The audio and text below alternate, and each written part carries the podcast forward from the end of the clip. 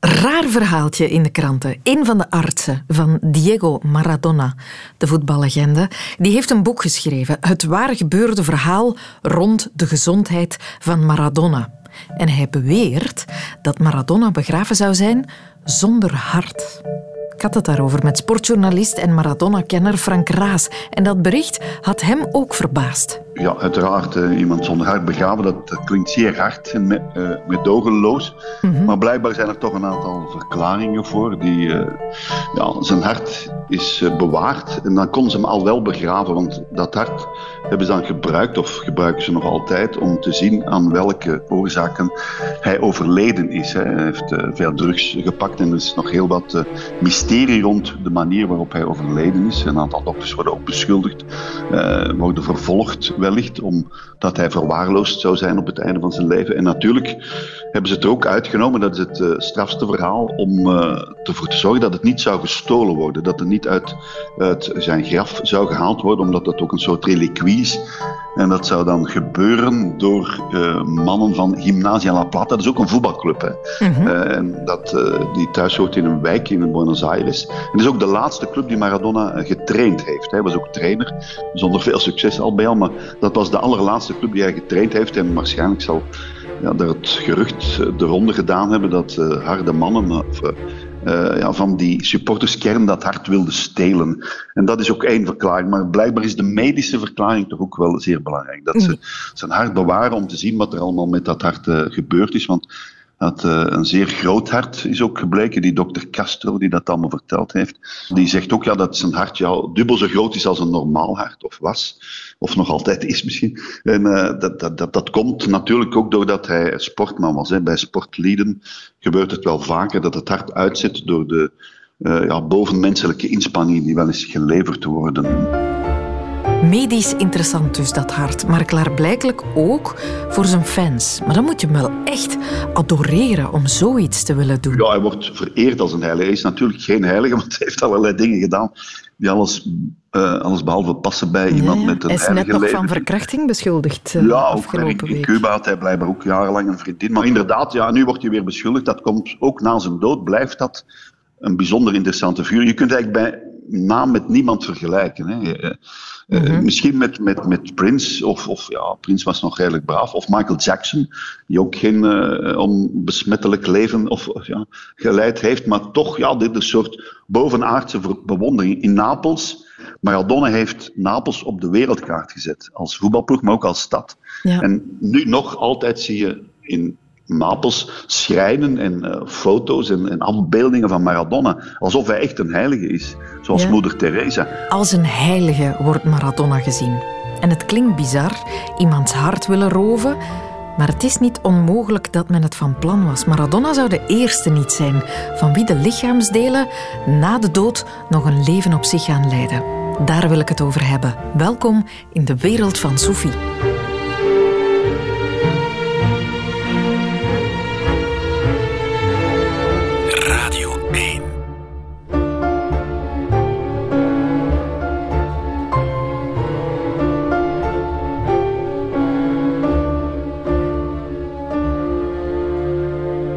Iemand van wie het hart letterlijk gestolen is, is de Braziliaanse luchtvaartpionier Alberto Santos Dumont.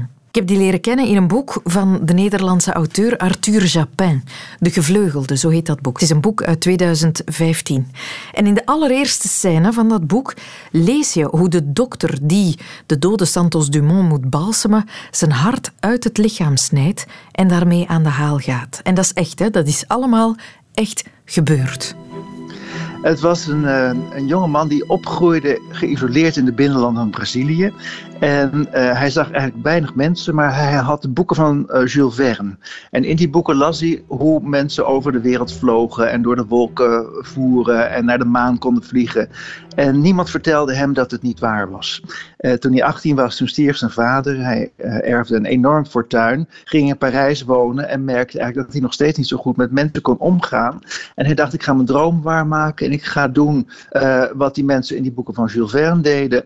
En hij is de eerste die een bestuurbare ballon uitvindt, ten eerste. Mhm. En ten tweede is hij de eerste die een, een, vlucht maakt met een voorwerp zwaarder dan lucht. Dus het eerste vliegtuig. Kort, kort voor de broers in, in Amerika dat deden. De gebroeders, Wright, dat was daar nog voor. Hè? Maar we spreken dus niet echt over vliegtuigen, maar zo eerder de luchtschepen. Hè? Ja, nou het gekke, het, eh, hij heeft dus wel, hij heeft dus zijn uitvinding 14 Bis heet hij. Dat is wel degelijk een vliegtuig, alleen vloog hij met de staart naar voren. Uh, maar heel Parijs heeft hem zien vliegen. Ja, je moet alles uitvinden, je moet, je moet alles voor de eerste keer doen. Maar het werkte wel. Uh, hij kwam niet heel ver, een paar honderd meter. Maar hij is daarmee de eerste die echt gevlogen heeft. En, en, niet alleen met een ballon, maar echt met een vliegtuigje. Ging, ging er ook mee op restaurant en zo, hè? Zelfs een Ja, dat was geweldig dat was met zijn ballonnen. ja, hij had uh, uh, aan zijn balkon, hij woonde aan de Champs-Élysées. Ik zei al, hij was rijk. hij had hij een balkonnetje laten maken met een landingsplaats. En dan ging hij echt, bond hij zijn, zijn vliegtuigje, zijn, zijn ballonnetje ergens aan een lantaarnpaal, klom naar beneden en deed zijn boodschappen. Maar daar zit iets anders achter. En dat is belangrijk ook. En daar gaan we ook naar het hart toe. Mhm. Het was zijn droom dat we allemaal zo'n vliegtuigje, een vliegend voorwerp voor onze deur zouden hebben. Een beetje zoals wij nu de auto hebben. En uh, dat we, zijn idee was als mensen maar eh, over de grens kunnen vliegen. En elkaar kunnen leren kennen. Dan, zullen ze, dan zal er vrede komen. Dan zullen ze begrijpen dat we allemaal mensen zijn. En dat was zijn droom. En die kwam natuurlijk niet uit. De Eerste Wereldoorlog begon en mensen begonnen te bombarderen met zijn uitvinding, het vliegtuig. En hij is langs de wereldleiders gegaan, heeft gesmeekt uh, om dat niet te doen. En uiteindelijk uh, de dictator van Brazilië, uh, Getúlio Vargas, die, daarvan zag hij een bombardement voor zijn ogen gebeuren. En dat heeft hem zo gedeprimeerd dat hij diezelfde dag zich verhangen heeft. En dat is het verhaal van de dokter die hem moet afleggen, zeg maar. Dr. Walter Haberfield heette die. En uh, die weet wat voor een hekel Santos Dumont aan de dictator heeft. Terwijl de dictator juist een hele grote staatsbegrafenis aan het plannen is. Om een goede sier te maken met die held van Brazilië, die uitvinder. En dat kan de dokter niet, uh, niet, niet, niet, niet pruimen. Dus die snijdt inderdaad dat hart uit als die, uh, de dictatuur voorbij is, dan kunnen we het hart, het werkelijke hart van Brazilië, begraven. En, uh, en het is er nog steeds. het bevindt zich op een luchtvaartacademie, Campo dos Afonsos, in de buitenwijk van Rio de Janeiro. En dan kun je het zien. Ik heb het ook gezien. Het zit in een vergulde houder, heel mooi, een bolvorm, die de hemel van het zuidelijk halfrond voorstelt. Mm omhoog gehouden door een, gevleugelde figuur. En dus je kunt, er, als je door die gaatjes, door de sterretjes kijkt, zie je een leren lapje liggen. En dat is het hart van Santos Dumont. Wow. Dus ik weet niet waar Maradona's hart uh, nu is. Maar misschien wordt het op een dag ook tentoongesteld. Ja, het zou wel eens kunnen. Misschien ergens in een labo. Maar eigenlijk heeft die dokter uh, Alberto Santos Dumont uit de klauwen van het regime willen redden. Hem een dienst willen bewijzen. Dat was de bedoeling. En toen was, het, uh, was de dictatuur voorbij. Toen heeft hij het aangeboden aan de familie. Maar die wilde het eigenlijk niet meer hebben. Dus ah. zat hij ermee. En uiteindelijk heeft hij het toch overgedragen aan de staat. En is het beland waar het, waar het nu is. Ja. Maar uh, ja, het heeft een enorme weg afgelegd. Ja. Maar het, het, gebeurde natuurlijk al vaker. Hè? Dat, dat hart dat wordt gezien als, uh, hebben wij als symbool voor, uh, ja, voor de liefde en voor het, het, het, leven. Zoals de Grieken die dachten dat, uh, dat onze ziel in, in de knie zat. Maar wij hebben dat in het hart geplaatst. En, uh, dus af en toe, bij Chopin is dat gebeurd. Bij, bij Richard Leeuwenhart. meer mensen. Shelley's hart bijvoorbeeld is meegenomen door een vriend. Ah, ja? de dichter Shelley. En die had het, uiteindelijk heeft hij het afgegeven aan, aan Mary Shelley. En Shelley's echtgenote. En die wist ook niet zo goed wat ze ermee moest. En die heeft het tot haar dood in een zijden zakje bewaard onder haar bed. Dus het is soms ook lastig, want dan zit je met zo'n hart en wat moet je er dan mee? Maar. Ja. Het, is, het is een geweldig romantisch idee hè, om iemands hart, als was dat de kern van een persoon, het belangrijkste deel van iemand. Kan je je daar enigszins in verplaatsen als, als auteur, als je dat neerschrijft en je, je staat daar even bij stil? Nou, het is in ieder geval vanuit liefde gedaan, of vanuit zorg en bezorgdheid gedaan. Dus dat is mooi. Um, wat mensen wel deden, dat deed mijn oma ook nog wel lokjes haar van uh, bewaren van iemand. Uh, de, zo anders, die, dat haar is wat makkelijker te bewaren misschien dan een hart. Maar uh, ja, je wilt graag iets bij je houden van, van iemand van wie je hield of die je belangrijk vond. dus in die zin kunnen we denk ik allemaal wel uh, wel voorstellen. Het is alleen de praktische uitvoering is niet zo, uh, is niet, zo simpel. Niet zo evident, nee. Arthur Japin over de gevleugelde, een mooi boek, aanrader. Maar dus, het hart van Maradona, het hart van Santos Dumont en het lijstje van lichaamsdelen van bekende figuren waar na de dood mee de hort wordt opgegaan, is nog veel langer. De hersenen van Einstein zijn ooit gestolen. Door de patholoog van dienst was dat, omdat hij wilde weten of zo'n briljante geest ook een bijzonder brein had, wat niet het geval bleek te zijn. De piemel van Napoleon zou na zijn dood ontvreemd zijn, daarna een paar keer doorverkocht en zou ondertussen nu ergens in Amerika onder een bed in een kistje gans verschrompeld liggen wezen. De piemel van Rasputin, die zou je nog kunnen gaan bezoeken ergens in een museum in Rusland, om vervolgens ter plekke stijl achterover te vallen van de lengte, want dat ding is 30 centimeter. Maar ik moet hier wel naar verluid bij zeggen, want het zou eerder om een stunt gaan. Vermoedelijk staat er in dat museum een zeekomkommer op sterkwater tentoongesteld. En dan heb ik het nog niet eens over de vingerkootjes en ribben en schedels van heiligen die in kerken bewaard worden. De reliquieën die door gelovigen vereerd worden. Frank Raas legde daarnet automatisch de link. Speelt hier misschien hetzelfde principe? Daarvoor moeten we kijken naar de feiten. Er bestaan verschillende soorten reliquieën. Wel, er zijn drie soorten. Dit is Hans Gijbels. Hij is professor aan de faculteit Theologie en Religiewetenschappen van de KU Leuven. De eerste en de belangrijkste categorie zijn echt de lichaamsdelen hè, van de mensen die als heiligen vereerd worden. Dus het gaat dan, ja, u heeft het daar straks zelf al gezegd, hè, het kan gaan van een vingerkootje over een schedel tot een heel lichaam. En we hebben er hier in België enkele belangrijke, hè, Pater Damiaan in Leuven, of uh, het heilig paterke van Hasselt, hè, zie je. Mhm. Dan is er een tweede categorie, dat zijn de gebruiksvoorwerpen. Dus dingen die die heilige ja, gedragen hebben, dat zijn kledingstukken, of gebruikt hebben. In Affligem ligt er zo'n heel belangrijke reliquie, hè, de staf van de heilige Bernardus van Clairvaux, die een abt was. En die staf wordt vereerd als een reliquie. En dan is er mhm. nog een derde categorie, dat zijn dingen die die eerste of die tweede categorie hebben aangeraakt. Oké? Dus ah, je kan bijvoorbeeld een, stop, een, een, een, een, lapje stof, nu begin ik mezelf ook al te verspreken, je kan die, uh, een doekje daarop leggen en dan uh, ja, is het volksgeloof dat die kracht van die reliquieën in dat doekje gaat. En dat doekje kan je dan verknippen, zie je, en dat kan je dan uh, in medailles verstoppen of zoiets en bij je dragen. Voilà, dat zijn de drie categorieën categorieën relieken die er bestaan. Ah ja. Wat is het idee van een reliquie? Uh, wat zoekt men in een reliquie? Wel, bij, ja, hoe moet ik het zeggen?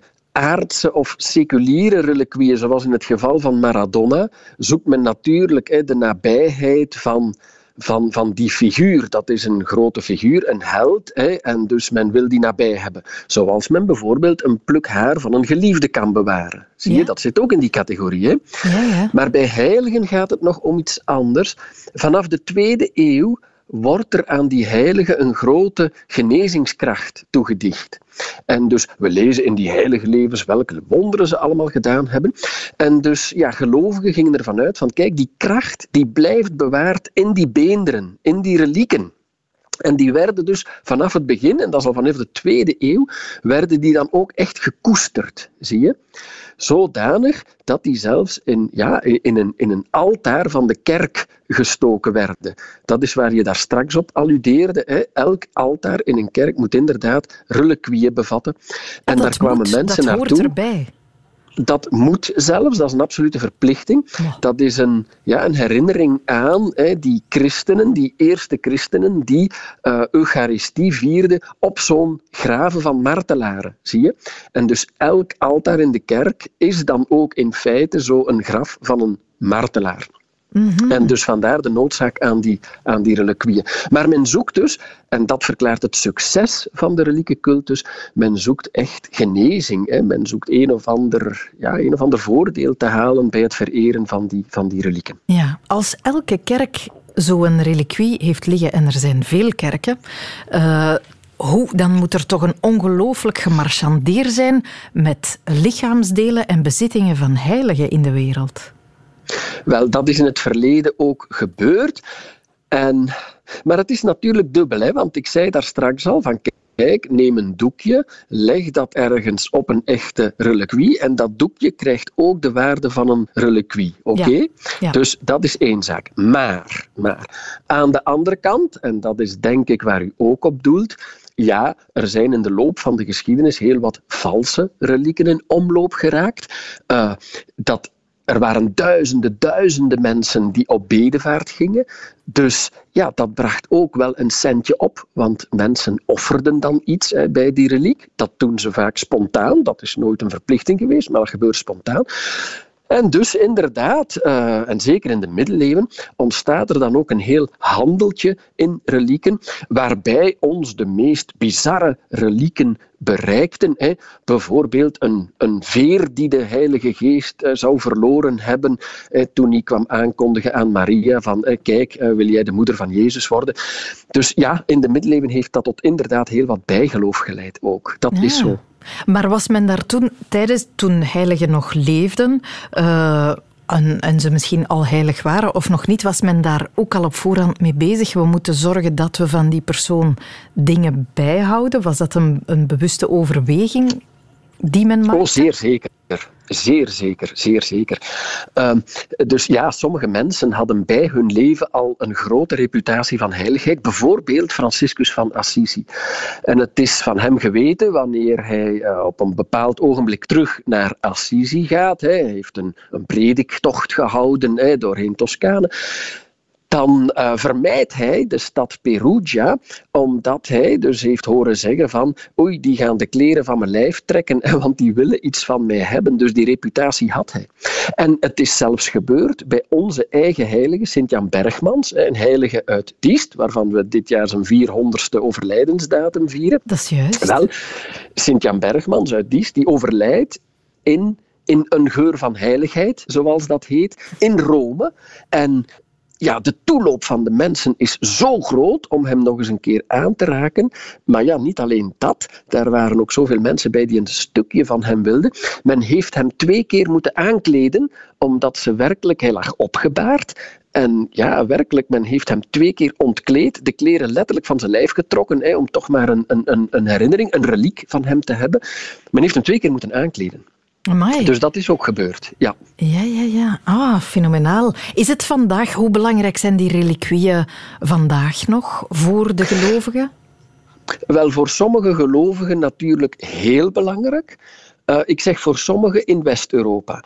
In de rest van de wereld zien we dat relieken ja, veel belangrijker zijn. Sedert de jaren 60 is het bij ons allemaal spiritueler moeten worden en heeft men zo'n beetje afstand genomen van dat bedevaartwezen en die relieken en zo. Men vond dat dat eigenlijk eerder bij het verleden behoorde. Maar als we kijken naar de wereldkerk, blijft dat een zeer, zeer belangrijk fenomeen. U noemde daarnet al het hart van Maradona, een reliquie. Mogen we het ook echt die titel toedragen, denk u? Ja, van de seculiere relieken. Hè. Dus het fenomeen ontstaat, het fenomeen is ontstaan ja, binnen uh, het christendom natuurlijk. Maar, en dat begint, allee, dat beginnen we echt te retraceren zo uh, van in de 17e eeuw, hè, dat bijvoorbeeld de schedel van Descartes, Ah, Descartes, een heel beroemde figuur in zijn tijd, dat men die apart begint te bewaren. En momenteel ligt die in een museum in, in, in Parijs. Hè. Ja. En maar, maar en dat fenomeen, dat, ja, dat wordt ja, meer en meer seculier, meer en meer mensen beginnen dat te doen. Hè. Uh, en niet alleen met grote helden, uh, maar ook ja, binnen hun eigen kring. Hoeveel kadertjes ontstaan er dan niet, hè? Met, met daarin haarlokken van een overleden geliefde of zo. Hè? Of nu, nu, wanneer men uh, assen van een overledene, van een mhm. dierbare, hè, in een medaille laat verwerken of zoiets, of, of, of, of zelfs in huis bewaart. Dus ja, dat is een vorm van, van seculiere uh, relieken. Alleen wordt daar geen wonderkracht aan toegewijd. Het is waar, hè? Hoe bizar sommige van die verhalen op het eerste gehoor klinken, eigenlijk zijn ze niet zo bizar. Eigenlijk doen we net hetzelfde met onze dierbare overledenen. Sinds maart 1994 ligt er in de bovenste lade van de kast in de living bij de ouders van Wart Bogaert een leren etuietje. Het gaat maar zelden open, dat etuietje, maar het ligt al die jaren al op exact dezelfde plek. En zolang Wart zijn moeder leeft, gaat het daar ook nooit weg.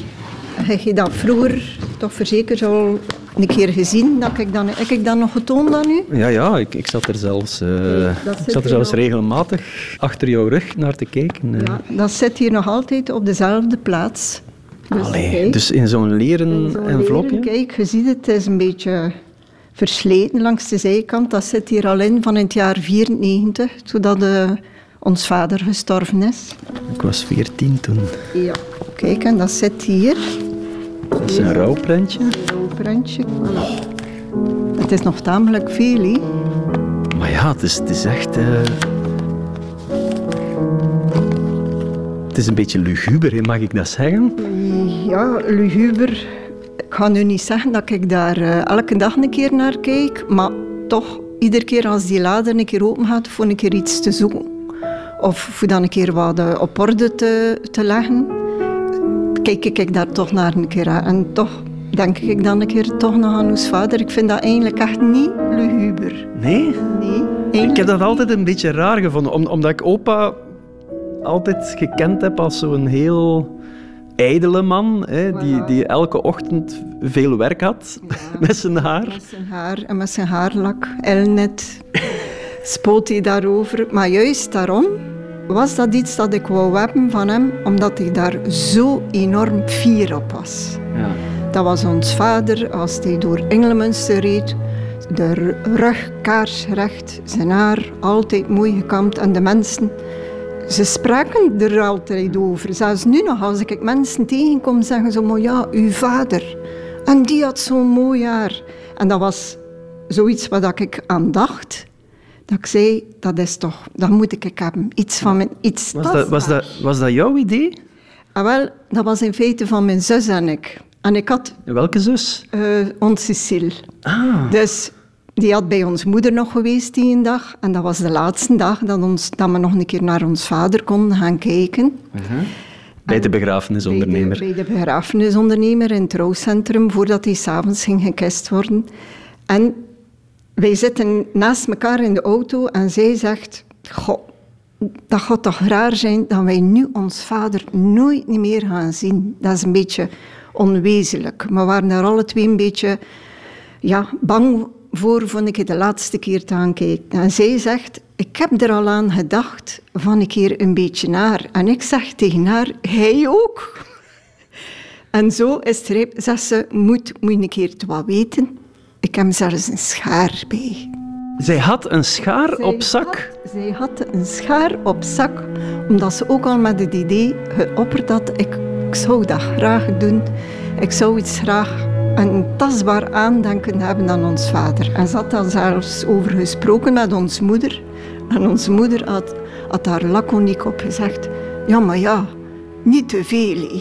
Want ons moeder was ook heel fier dat ons vader zo'n een, mooie man was met, met, met van dat wit mooi haar. En niet te veel. Maar, hoe gaat dat dan? dan? Dan staan jullie daar bij het lichaam van, van opa? Dan staan we daar heel ontroerd. De laatste keer, ja, je, je wil niet te rap vertrekken uit die kamer, want je weet, een keer dat je buiten gaat, is het laatste. En ja, dan haal je die schaar boven en geknipt en het was tamelijk lang. En Cecile heeft dat gedaan? Cecile heeft dat gedaan. Je durfde niet? Ik durfde niet. Zij heeft dat gedaan en wij hebben dat allemaal mooi in een omslag gestoken en dan een stukje aan ons moeder en aan de zussen. En je ziet, dat zit hier nu nog altijd in. En dat is iets ja, dat ik koester. Dat, voor mij is dat een beetje heilig, ik weet ook niet. Ik zou dat nooit, nooit, nooit durven. Ja, je doet dat niet weg, hè. Nee, dat is, nee, nee, nee, dat, is waar. Maar ja... Het gevolg is nu dus wel dat die, dat die trotse man, die altijd zoveel werk heeft gehad met zijn kapsel, nu in zijn kist ligt. Met een stukje haar weg. Ja. Maar we hebben het heel mooi gedaan, langs achter in zijn nek. Het was niet zichtbaar. Oké. Wat, wat zou jij er nu van vinden als ik dat bij jou doe, binnen hopelijk minstens 50 jaar? Oeh, 50 jaar. Oh, wel, ik zou ik dat nog tof vinden. Moest er dat iemand doen. Dat is, ja... Je kunt toch niets beter hebben dan dat. Iets echt, echt. Ik kan nu niet zeggen dat ik dat vaste pak, dat zit in dat prantje. Maar alleen het, het idee alleen, dat dat van hem is. Een foto is een foto, hé, maar dat, dat is iets tastbaar, vind ik. Steek het maar terug, uh, ja. ja. Ik ga dat doen. Maar, het, het, heeft nooit een, een, prominentere plaats dan dat gekregen, nee. Nee, nee. Hoe is vader? Met zijn mooi haar. voilà. Zit terug weg wordt. Dus je weet, als er iets gebeurt, wat hij moet redden. Nee. Wart weet wat te redden. Het haar van opa in het kleine leren etuietje.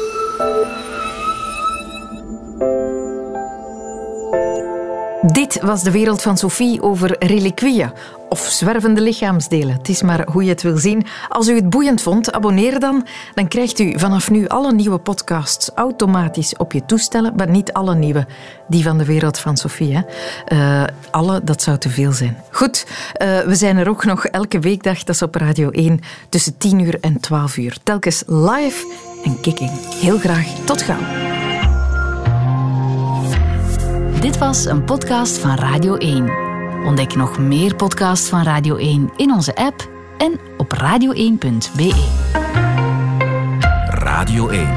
Altijd benieuwd.